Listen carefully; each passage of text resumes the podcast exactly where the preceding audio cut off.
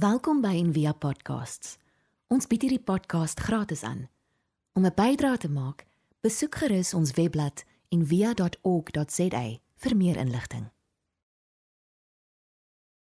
Julle is my groot voorreg om vir Johannes de Villiers, Johannes Bertus de Villiers voor te stel aan julle almal. Uh ons het so rukkie terug as julle onthou, het ons besluit om so 'n sprekerbende saam te sit. Uh wat sommer net 'n bietjie uh, saam gedink het droom het oor wie ons wil nooi. Is nie dat ons nou enigiemand in die wêreld kon nooi want ons het nou nie hoef nie meer iemand net binne in Kaapstad se grense te nooi nie. En toe het Sofia voorgestel ons nooi vir haar vriend broer Johannes. So uh en ek het so laasweek saam met hom gekuier. Johannes, as jy nie weet wie hy is nie, hy is 'n meditasie instrukteur en 'n skrywer, twee boeke oor mindfulness, mooi in lekker Afrikaans. Uh Kalmte en die malle gejaag was die eerste een en die tweede een blydskap. En hy ehm um, en toe ek met hom praat oor wat hy wil oor praat of hom nooi, toe sê nee, blydskap. Blydskap is die ding. Ons het nodig om te praat oor blydskap en veral in hierdie tyd. Ek kan nie wag dat ek kan ophou daai woorde sê nie. In hierdie tyd of in tye soos hierdie of in die nuwe normaal. So baie welkom by ons Johannes by al hierdie um, crazy en via Kaapstad mense en hulle almal het baie genade so jy kan sê net wat jy wil en net wees wie jy wil. So ons is bevoorreg om jou hier te hê. Baie dankie. As ek nou vir unmute Jy's reg. Go for it. Okay cool. Hoorie ehm um, Peer ek is nou bang dat ek dalk iets verkeerd doen so ek gaan my foon by my huis wat jy my kan bel as ek nou jou gemors maak. Okay of my waai of iets want ek sien jou gesig seker vir my baie en ek het 'n stopwatch ook wat ek nou gaan aansit op hierdie oomblik, maar as ek nog steeds te lank aangaan, dan moet jy my laat weet. Net 'n praktiese goed. Dag almal. Hallo, ek kan nie eintlik soveel van julle sien nie, maar ek sien net vir Peer en Sofia en Frida se blokkie en is lekker en ek is ek ek kan my net ehm um, ek kan my net verbeel wie almal daar is. Dis lekker om julle almal te sien. Ehm um, Ek eh, is ook bly oor wat julle vooraf gesê het. Want daar's twee lekker goed gesê by waar mense kan aanstel aansluit. Ek gaan net iets wil sê nogals lekker wil optel oor wat Frida gesê het van lewenssituasie teenoor lewe en ietsie van hierdie wat ehm um, Sofia op die laaste genoem het van 'n blydskap heilig word uit die gedig, nê? Nee? Ehm um, maar om by die begin ag ja, nie gedig. Om by die begin te begin ehm um, wat is my cheesy ding waarmee ek begin? Dan sê ek altyd ek is so bly Pierre het my bekend gestel want as ek myself bekend stel, dan sal ek vir julle skok en as ek moet sê wat ek doen, maar dan gaan ek vir julle sê heel van my werk is ek praat met mense wat dood gegaan het, né? Nee? En as freak aan my skille oog gits, hy's 'n psychic, jy weet. Hugo Belly doen my nie, maar dit is nie eintlik wat ek bedoel nie. Dis net 'n manier om julle te irriteer. Eintlik is ek nie 'n psychic nie.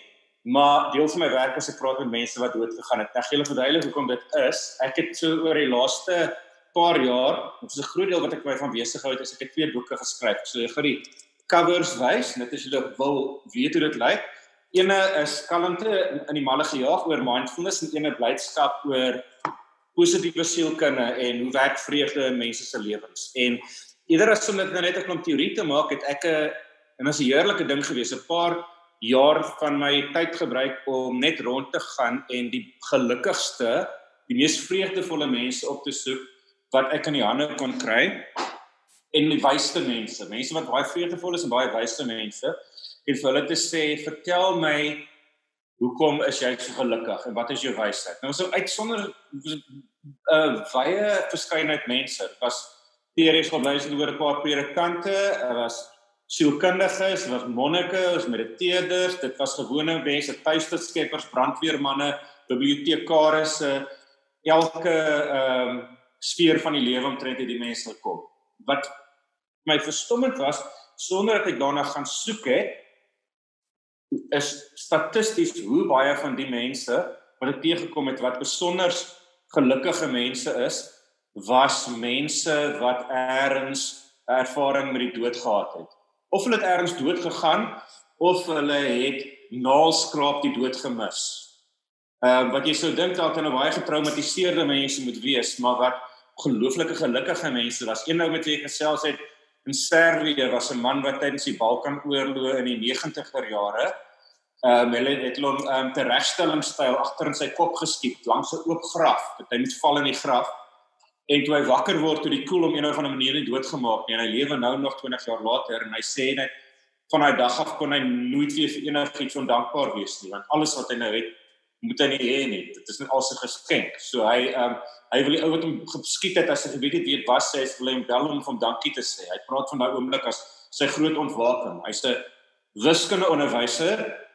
Ja ek weet nie of enig van julle onderwys gegee het nie maar julle sal weet om te om huiswerk te merk is omtrent net diskant om glas te eet in terme van hoe lekker dit is nê hy sê as hy sy kinders se wiskunde huiswerk merk dan dink hy wow ek ek behoort eintlik nie hier te kan wees nie en hier is ek. Wat 'n voorreg nê elke oomblik is net vir hom fantasties die ander ene was 'n ou wat in um, Amerika saam met sy 5-jarige seun in die sneeu vasgekeer was vir 3 dae met die klere aan hulle lyf en hy het vir sy 5-jarige seentjie moes sê hoor jy as ons nou ons oë toe maak vanaand gaan ons nooit weer ons oë oopmaak nie en dit was lekker om saam met jou te kon leef en het hulle oë toe gemaak met dood ingewag en ehm um, gelukkig by laaste oomblik gered en hy daar uitgestap en sê ek kan net nooit weer dieselfde leef nie.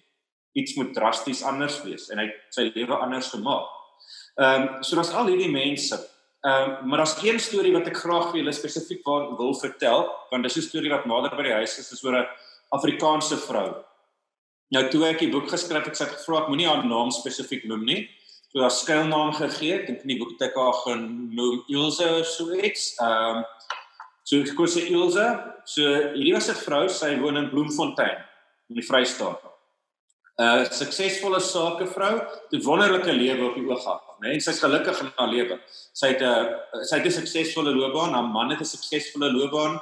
Sy twee van hierdie uitblinker kinders wat so in hulle tienerjare is, 'n groot enorme huis.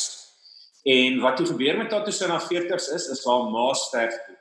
En sy het langs haar ma se sterfbed gesit op die oomblik wat haar ma oorlede was. En sy sê dit was 'n uh, heilige oomblik in haar lewe. Ek weet nie of enig van julle al ooit die voorreg eintlik die woord die voorreg gehad het om langs die bed te sit van iemand wat vir jou kosbaar is wat besig is om finaal afskeid te neem nie, maar dit soos soos soos Elsa self sy sê sy wil amper haar skoene uitgetrek het want sy gevoel sy staan op heilige grond, né? En sy sê toe sy daai oomblik daar was, Hy sê net besef sy kan nie dieselfde leef nie. Sy het nie geweet wat om anders te doen nie, maar iets moet sy doen wat met met lewenssin te doen het met ehm um, met lewe wat jy gesê het vir ja, nie 'n lewenssituasie nie. En al wat sy het kan dink is sy gaan sielkunde studeer. En hier op 40 42 daar rond is sy toe na terug universiteit om sielkunde te studeer, te studeer en een van haar professore was toevallig iemand wat erns met mindfulness te doen gehad het. Nou julle dink ek praat 'n bietjie oor mindfulness en meditasie en so, né? So die tegniek wat hy sien of hulle leer is meditasie oor die asemhaling. Wees teenwoordig vir jou asemhalings inkom, wees teenwoordig vir jou asemhalings uitgaan. Doen dit oor en oor, leer om terug te kom na waar jy is. En hy hy het 'n tegniek gedoen wat mense baie keer op meditasie kursusse doen. Hy het vir gesê kyk na elke asem asof dit jou laaste asem is wat jy inasem en as jy uitasem kyk asof jy nooit weer gaan inasem nie elke asem kan so kosbaar wees. Eendag gaan jy jou laaste keer asemhaal en jy gaan ehm um, nie weer inasem nie, nê? So wees daar as dit gebeur. En nou doen sy die tegniek oor en oor en net 'n jaar later na ma se dood, hier sit Ilse weer in 'n dokterspreekkamer. Die keer sit vir haarself. Sy sit daar en daar's 'n diagnose wat uitgespreek word. Die dokter sê vir haar sy het 'n gevorderde kanker. Nie seker wat presies nie, maar iets hier in haar ingewande. Maar dis een van daai diagnoses nie van gaan kry nou huis toe, gaan nou huis toe kry jou pyjamas of skep dit dis van dank die hemel jy het nie 5 ure later hier ingestap jy ons gaan nou patrollie gooi.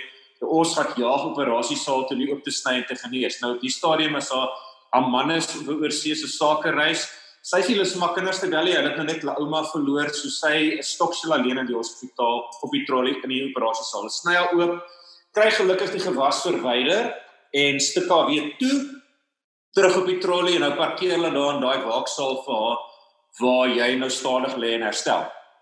Maar soos wat sy lê in die waaksaal, begin sy drome te kry. Vreeslike drome, slange wat onder haar bed krioel, spookstemme wat met haar praat want hoekom sy dit goed kry wat sy nie besef nie is haar lyf is besig om 'n trauma te gaan terwyl sy daar gelê het het die een inwendige wond weer oopgeskeur. Sy bloei nou inwendig en haar ingewande is besig op te vul met bloed en haar organe is besig om die een na die ander af te skakel. Niemand weet die sy lê net 10 ure later begin nagmerries kry. 10 ure later toe iemand agterkom wat gebeur, toe hardloop twee verpleegsters in die saal in die kamer in kry elkeen 'n arm om regop te sit in die bed en op daai stadium toe skeer die buitenste ook oop en dis net bloed. Jy kan dink 'n vreeslike storie, maar ek wil hulle daar terug op die trolley en nou hol hulle af van die gang operasieteater toe om haar te herstel en sy sê op daai oomblik het sy hierdie nie besef nie, die belewenis dat sy weet skielik hier is dit nou. Dit ek het die hele tyd in die speletjie gedoen in meditasie. Ek oefen om uit te asem as ek nooit weer inasem nie. Sy sê ek gaan nou uitasem en ek gaan weer inasem. Sy besef dit skielik, sy sê dit is amper verwyder. Sy sê sy dink haarself 5 weke terug het ek 'n loopbaan gehad, 'n man, kinders, oorsese vakansies, ehm, 'n um, klerekas en hier lê ek nou en die enigste ding wat ek van my hele lewe oor het is hierdie asem wat ek nou geuitasem. En sy sê ek kan net sowel my volledige aandag, my volledige bewussyn, my volledige liefde selfs bring na hierdie een laaste kosbare, onherhaalbare, unieke asemhaling en sy het hom uitgeasem en sy het weer ingeasem en sy was daar. Nou obviously, ek het nou met die vrou gepraat so sy het toe nou op 'n manier toe dit nou regkom. Sy het nog altyd 'n miskien dood ervaring, nê. Nee, hulle het haar toe nou of sy nou regtig klinies dood was, weet ek nie, maar sy het van die lewe afskeid geneem met sy terug. Nou nou gesels ek met Elsa. So ek wil met verlof eers mag ou 'n paragraafie lees van haar woorde. Want ons sit nou, dis nou 'n paar jaar later. Ek het haar leer ken. Die vrou, sy val my altyd op, want sy het jy weet, jy jy het al sulke mense ontmoet, nê. Jy gesels met hulle en naai tyd loop jy self so bietjie jouself 'n bietjie meer bewus van die geraas wat jy op aarde maak, want daar's so stilte in hierdie mens wat skielik vir jou swaalf, jy weet, uit jou situasie uitruk. Sy was haar man was 'n sakevernoot van my pa. Ek onthou sy het na my pa se begrafnis, my eie paar lede is opgedaag en ons het so op die trappies gestaan, dis die Kortryke NG Kerk in die Parel. Ek weet nie of jy ken die Sofia, maar jy staan so op die stoep op 'n somerdag, jy kyk so uit oor die vallei en almal is so hartseer En hier skielik kom Ilse met die trappies op in 'n wit rok, spierwit rok om in die begrafplaas. Begrafnis met so 'n pers rykertjie in haar hande en sy het so by my ma gaan staan en het so lank gepraat.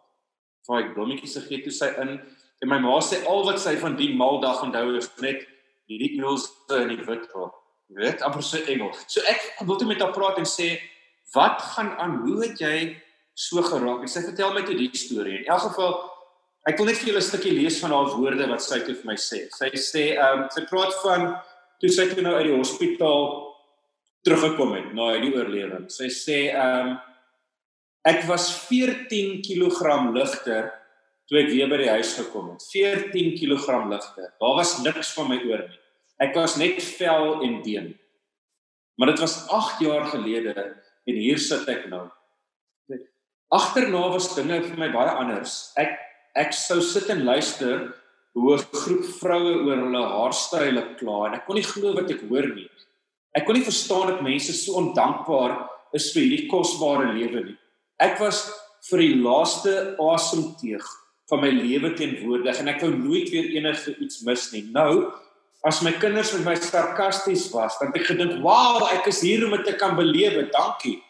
Uh ek ek is normaal oor om vloere te skrob. Voorheen was om vloere te skrob net iets wat ek moes doen sodat ek kan aangaan met my lewe, maar nou skrob ek die vloere en ek besef dit is die lewe. Hoe spesiaal is dit om vloere te skrob? Pyn is spesiaal, ongemak is spesiaal. Ek het aanvaarding en respek vir die feit dat ek 'n kuiergas in hierdie vleeslike verpakking is. Ek is lief vir hierdie lyf. Ek is so dankbaar dat ek dit het. Maar ek is ook dankbaar dat ek dit eendag kan aflê. Ek is nie meer bang vir oud word nie. Ek kyk na my tone en ek kyk na my hande en ek kyk hoe hulle verander en ek het oneindig baie respek vir die proses gekry. Ek wil dit nie anders hê nie. Soms soms voel ek asof asof ek wegkwyn soos 'n brystablet in water. Dit kan 'n mens skrik maak, maar by ander tye dink ek weer is wonderlik. Laat ek wegkwyn totdat daar niks van my oorbly nie. God het my soos 'n kersboom onderste bo gedraai en elke blink ding uitgeskit. En nou is ek net ek. Nou, vir dit is Ilse se storie. So hierdie ding blydskap, nê? Nee, ehm um, is my baie interessante ding. En baie mense en ek het ek wil nou nie 'n etiket op julle almal plaas nie, maar ek kry idee mense in Envia is dalk baie keer mense wat ernstig nadink oor goeters, wat nogals 'n bietjie na binne kyk en worstel met lewe, nie net lewenssituasie nie, Frida, nê, nee, en wat dit beteken. En ek dink baie keer mense soos julle soos ons is baie keer skepties oor hierdie woord blydskap of happiness. Dit klink so happy clappy, jy weet, happy chappy, jy weet. Ehm um, En ons is baie keer groot gemaak eerstens om te dink om om om sinies en half tragies te wees is 'n teken van intelligensie, want jy verstaan hoe swaar die lewe is. Jy weet al die kunstenaars wat so vroeg, nê, nee, en al die digters wat so hulle terms uitreik. Is hy hulle gaan nie niemand gaan 'n gedig lees te ou wat net happy is nie, nê. Nee, jy wil dan moet 'n bietjie worstel, jy weet. Of ander ding wat ons die laaste ruk kry is jy voel 'n bietjie skuldig amper om bly te wees. Jy weet, daar's soveel swaar kry. Hoe kan ek hier in my huis in lockdown sit en Netflix kyk en ek is so gelukkig as mense wat honger is en wat swaar kry. En en hoe wat doen jy met hierdie blydskap? Nou in die laaste so 25 jaar is daar hierdie wetenskap. Ek gaan 'n bietjie meer in die wetenskaplike rigting kom as dit okay is met julle. 'n Veld in die wetenskap hulle noem positiewe sielkunde. Nou van julle het al daarvan gehoor en daarop gelees. Nee, wat positiewe sielkunde doen is die studie van ehm um, hoe werk blydskap. Hulle studeer dit wetenskaplik. Geen verrassing nie, is meestal Amerikaners. Hulle is mos vreeslik chirpy. So hierdie Amerikaanse wetenskaplikes, hoe werk blydskap? Hoekom is party mense bly? En tweedens, watter uitwerking het blydskap vreugde op jou lewe? Né? Nou, hulle het maniere om mense se blydskap te meet. Hulle doen dit op maniere wat slim is hulle meet jou taal, jou woorde, hulle kyk jou gedrag, hulle praat met mense wat jy ken. So hulle kan al 'n skaal opbou van gelukkiger versus minder gelukkige mense, né? Nee? En hulle vind blydskap is is hierdie ding wat hierdie impak op mense sê né? Nee? Eerstens benewens hy feit dat gelukkiger mense gesonder is en langer leef. Ons wonderlike studies, hulle ontleed nonne, né? Nee? Nonne moet dagboeke hou oor hulle gevoelens dan gaan hulle en lees 'n klomp 20 jarige nonne van 50 jaar terug se dagboeke en kyk hoe wie die meeste die woordjies blydskap en die woordjie dankie en die woord geseënd gebruik en dan rangskik hulle die nonne volgens die gelukkigste non en die swaarmoedigste non en dan vind hulle uit die die gelukkigste kwartiel van nonne leef gemiddeld 12 jaar langer as die ongelukkigste kwartiel nonne. Kyk dit glo 12 jaar nê. As geen pil wat dit doen nie. So dis baie goed vir jou gesondheid, maar dan tweedens hulle vind mense blyer mense is meer entrepreneurs omdat hulle positief is, is hulle geneig om geleenthede raak te sien in die lewe. Hulle is jy weet hulle sien net soos ah daai sal die werk hier. Japies probeer daai nie. Hulle hulle is in oorgeleefdheid en derdens hulle funksioneer baie beter in verhoudings. Jy is nie jy het nie jou brein ingeoefen om die ergste van mense te verwag nie, om teleurstelling te verwag nie, maar trouens om iets in mense te soek wat waardeer jy ook kan waardeer en waarop jy kan bou, né?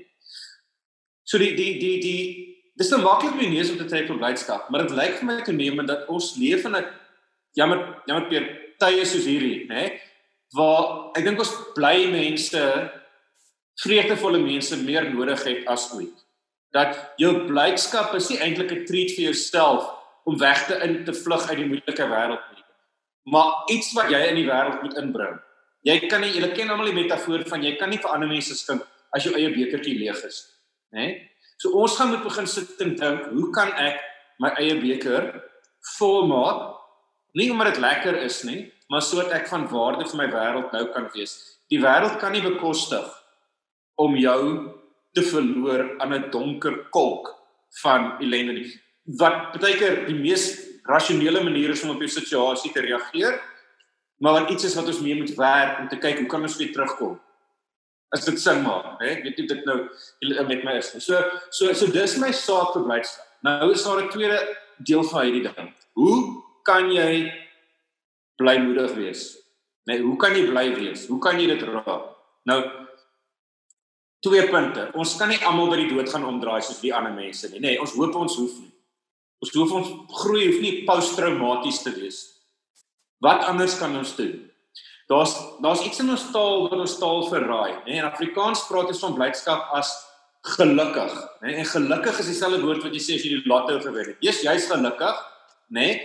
Ehm um, Engels is dieselfde, die woord Engelse woord happy het dieselfde wortel as ehm um, haphazard of jy weet hap happenstance of sulke goed wat ook iets toevallig beteken. Die implikasie is dat blydskap is of iets wat oor jou rigting kom. Goeie goed gebeur, jy het geen beheer daaroor nie en nou word jy gelukkig. Frida om jou metafoor te tel, as jy as jy gelukkig is om 'n lewenssituasie oor jou pad te kry, dan gaan jou lewe ook gelukkiger wees. Jy het self veel beheer daaroor. Nou, dis my tweede stukkie goeie nuus. Eerstens, jy mag maar bly wees, jy moet bly wees, dit is nodig, maar tweedens, blydskap, dit is wat die positiewe sielkunde blykbaar toon, is ook iets wat jy aan kan werk. Jy kan werk maak van jou eie blydskap. En party van ons gaan harder moet werk. Ons begin net 'n bietjie van 'n agterstand. Ons gaan oor en oor partykeer weer moet begin. Wêreld gaan ons afklap, maar jy kan daaraan werk. Nou, waaraan moet jy werk? In jou lewe of jou lewenssituasie? Ewe ouer vraag, nê, nee, gaan blydskap van binne kom, gaan blydskap van buite kom. En nou werk die mense met hierdie ding. Die eerste vraag, dis nie iets wat jy gereeld van 'n preekstoel af hoor nie, want deel van blydskap kom van buite. Ons moet altyd dit sê, nee, jy kan nie geluk koop nie, geluk en dinge vind nie, maar hulle studeer nou hierdie goeie vir kyk wat se impak het blydskap op verskillende omstandigheidsfaktore op mense. Net dis fascinerend. So ek kom ons noem 'n paar, net kyk omstandighede. Kan geld geluk koop? Is jy gelukkiger as jy meer geld het, né? So die studies is wonderlik. Ek sal vir julle name stuur as julle 'n paar van die mense studies wil gaan oplees sodat julle weet ek pluk dit nou nie net uit my oor uit nie, maar ehm um, Hier is 'n interessante ding wat hulle vind. Metastudies baie kan hulle om hoor nou mooi. Om ryk te wees gaan nie noodwendig gelukkig maak nie, maar om arm te wees gaan jou waarskynlik ongelukkig maak, né? So dis baie onredelik om van iemand wat in 'n hut met 'n lekkende dak bly en kyk hoe hulle kinders van die honger krepeer. Dis baie onredelik om van die mense te verwag hulle moet gelukkig wees, want daar is 'n ding in jou pad, né? Maar as jy daai struikelblok tot geluk uit die weg geruim het, as jy 'n sekere inkomste het, sodat jy ten minste dak oor jou kop het en so twee maaltye 'n dag, gaan geen meer geld as dit jou gelukkiger maak nie. So tussen R10000 'n maand en R10000 'n maand gaan dit jou nie gelukkiger maak nie. So 'n bietjie negatief. Armoede kan jou ongelukkig maak, maar geluk kan jou nie of rykdom kan jou nie gelukkig maak nie. Ander ding mense dink baie o, ek sal gelukkig wees as ek getrou het, né? Al meisies droom van my gelukkigste dag gaan my huweliksdag wees, né? Maak dit jou gelukkiger om getrou te wees, né? Almal, al die single mense haat hierdie goed want hulle sê altyd die studies wys getroude mense is oor die algemeen gelukkiger as ongetroude mense. Dis op die oog af waar, maar daar's 'n belangrike manier hoe hierdie studies verkroek is. Ongelukkige mense is ongetroude mense is oor die algemeen ongelukkiger as getroude mense, maar dit is omdat ongetroude mense sluit geskeide mense, weduwees en weewenaars aan. Wat in wat oor die algemeen vir 2 jaar na die einde van hulle huwelik 'n bietjie meer ongelukkig is. So dit draai die statistiek skeef. So as jy hulle uit die steekproef uithaal en jy vergelyk dit mense wat nooit getrou het nie met mense wat getroud is, dan is hulle redelik ewe gelukkig. So so dis nou weer 'n negatiewe ding, nê. Nee, as jy net 'n slegte huwelikssituasie kan vermy, dan gaan jy nie ongelukkig wees nie, maar dit gaan nog steeds nie jou geluk waarborg nie. Was allerlei ander goeters. Nie so baie tyd nie, maar jy kan hier gaan opsoek, is fascinerend. Raai wie's gelukkiger, mans of vrouens? Almal het 'n opinie. Oor die algemeen neig vrouens om meer gelukkige taal te gebruik. As jy hulle taal ontleed, vrouens sal baie meer sê ek is dankbaar, ek is gelukkig, ek is dit.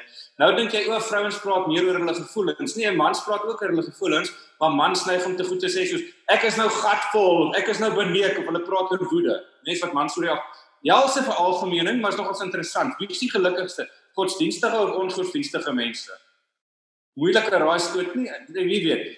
Julle raai waarskynlik reg. Godsdienstige mense neig klein bietjie gelukkiger te wees as ongodsdienstige mense, maar daar's ook weer 'n voorwaarde. Jy moet behoort aan 'n godsdienstige groep So mense wat net by die huis sit en Bybel lees gaan nie veel help nie, maar mense wat na Envia toe gaan, ek doen vir julle 'n plek weer, hulle gaan 'n bietjie gelukkiger wees. Dit het blykbaar iets met die sosiale ding blykbaar ook te doen. Ehm um, oor die algemeen hou vas julle hart, regse mense polities is 'n bietjie gelukkiger as linkse mense. Jy sal nie so dink as jy die comments op die internet kyk nie, maar is blykbaar so.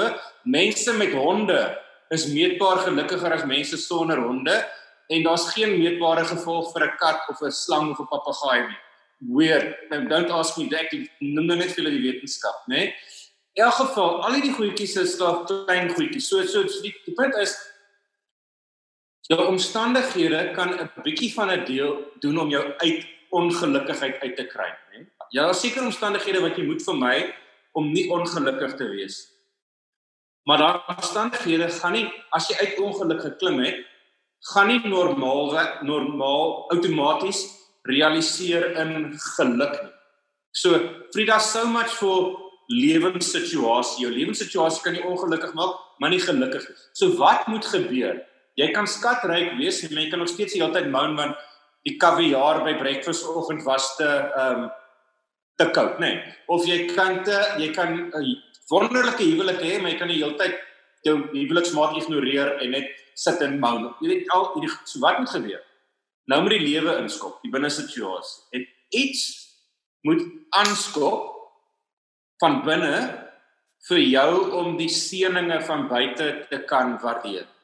Dis die wetenskap wat dit sê. Dan nie daar moet sekere goed buite in plek wees, maar al daai goed kan nou wees as die ding binne nie aangeskop het nie, gaan daai goed nie realiseer nie. So ek wil maak dit sin, maak dit sin. Dis ek voel my convoluted, maar so wat dit basies beteken is blydskap is hierdie vreemde kombinasie van buite en binne.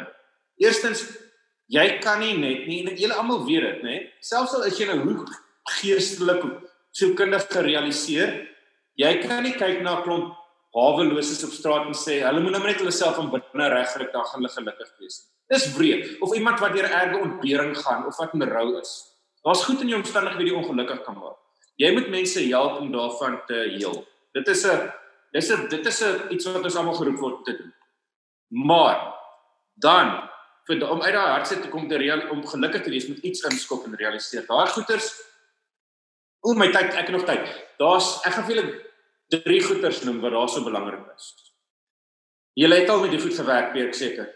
Dankbaarheid, né? Nee? Jy kan al die goed hê, maar as jy nie dankbaarheid in dit sien nie, gaan niks werk.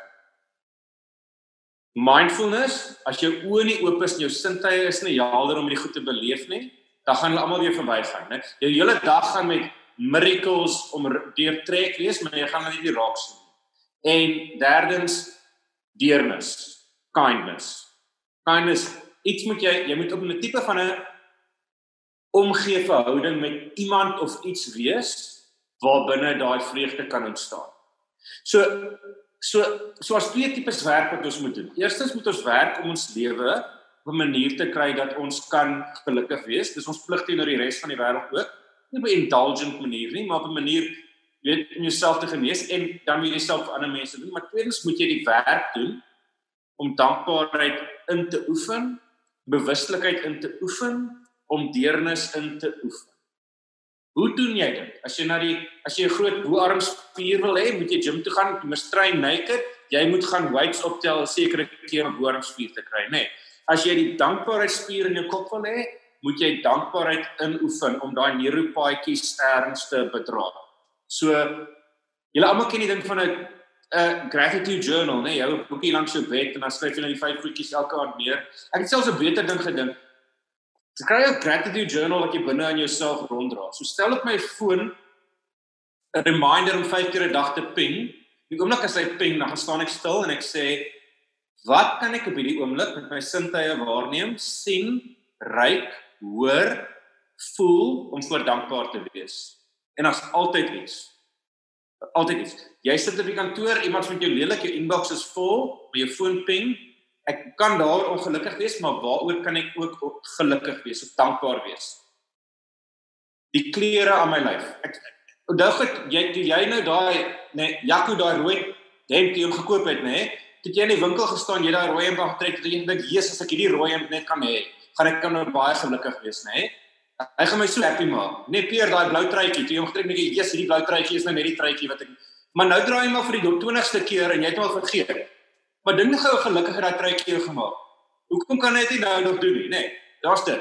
Daar's baie keer daai ding, net Stefanie, net om dalk sit jy net langs aan iemand met wie jy wie se teenwoordigheid jou gemaklik maak. En dis 'n else ding. Jy jy weet hoe dit voel om langs iemand te sit wat jou ongemaklik maak. Maar hoe gereeld lê jy net op as jy langs iemand sit wie sit teenwoordigheid jy net kan uitasem en gerukkig wees. En dan 'n oomblik van dan vir dankbaar wees, né? Dis een ding. Ek het nog 'n oefening ek het geleer as ek in die aand gaan slaap, tel ek die goed waarvoor ek dankbaar is. Eerstens dit vat jou adrenalien 'n bietjie af so jy slaap makliker. En tweedens is 'n lekker oefening om die dag op te sluit. Derde ding, ek probeer om klein wonderwerkies oral om my in die dag op te let, né? Ehm um, ek het 'n big pen in my hand, né? Hierdie knoppietjie in die big pen Dis nie van selfs iemand het hierdie knoppietjie uitgedink. Dis fantasties, nê. Nee, altyd moes jy die pen gaan skroef het en 'n ding stap. Nou kan jy dit met een hand net so doen. Ek sou dit nooit uitgedink het nie, maar iemand het dit gedoen.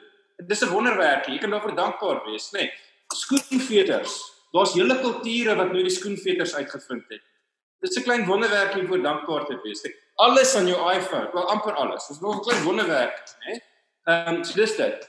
Mindfulness, nê. Ehm um, bewustelikheid. Jy moet leer mediteer, maar dis 'n bietjie breër. Jy moet leer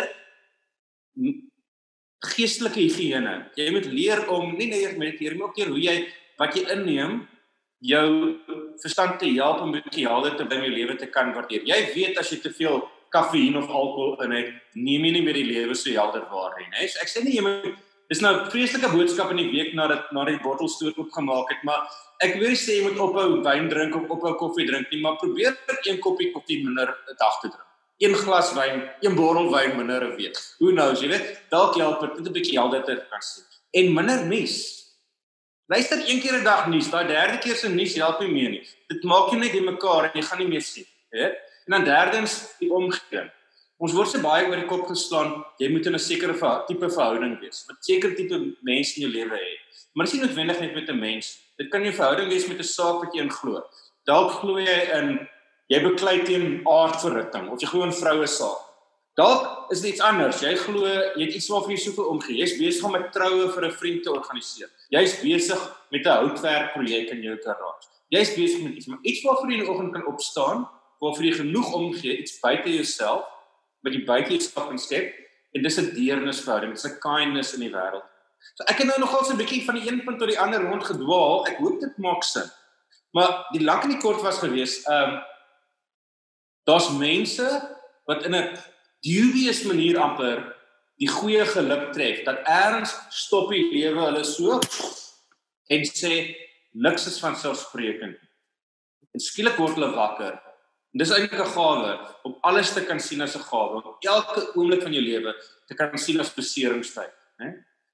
Van ons gebeur dit nie, maar ons gaan harder moet werk om dit te laat gebeur. Daar is dinge wat jy kan doen. En dit leer julle hierso by Envia. Daai is nie 'n luxury nie. Daai is nie 'n 'n self-indulgence vir skoon my Afrikaans nie, maar daai is 'n manier, daai is wat die wêreld nou van jou nodig het om jou koppie vol te maak, die beker vol te maak sodat jy kan skink. En vir ander mense kan help om uit te vind hulle dieselfde ding. Hulle ek het 'n tipe 'n klein meditasieetjie wat ek by hulle nou sou wil praat, maar ek het gedog ek gaan so presies van ouds 'n uur kry om te praat, toe kry ek net 'n halfuur. Maar ek gaan vir Peer 'n uh, link aanstuur met die YouTube video's reg gespeer wat ek noem die die die boks meditasie. Wat 'n tipe ding is om hoe mens werk met gestrooptheid en dankbaarheid en so. En dalk is dit dalk stel jy hulle belang, jy is welkom om dit te doen. Anders kan jy altyd ehm um, skree ek sal graag weer verder gesels maar ja dis baie lekker. Gaan en wees bly. Ehm um, en ehm um, dankie vir die geleentheid. Dis seker nou dit nee ek sien hy spreek wat nou? Is dan ek sê ek sê sien hy spreek jy kan as jy wil jy hy spreek geval dankie Johannes dit was regtig regtig regtig cool En ek wil sê baie dankie sê jy het met, met ons kom praat het en ek sal daai meditasie vir weet daar vir almal aanstuur. Hy het een van ons in die week ook gedoen, hy het op ons podcast gelaai is so kortetjie, 'n word wakker ene. En uh sy boeke ook, die links is in ons nuusbrief van Vrydag en jy kan dit by alle goeie boekwinkels kry en by hom ook as jy belangstel. Ehm um, so net super dankie vir jou dat jy ons kom net sommer het kom uh inspireer het en weer blydskap te kry. So dankbaarheid, neem dit maar onthou, dankbaarheid, mindfulness en Wat was die laaste ene? Kindness, deernis. Compassion. Ek kry nog 'n lekker Afrikaans vir kindness, deernis. Maar in elk geval, so baie dankie dat jy saam met ons gesit het. Almal wat saam op Facebook ook gesit het, baie dankie vir julle. En uh, mag jy hierdie week ingaan en regtig blydskap herontdek, die wonderwerkies van die big penne tot by jou hondjies raak sien en diep diep diep beleef. sodat jy aan die wêreld 'n guns kan bewys. Ek hou daarvan. Amen. Dankie julle.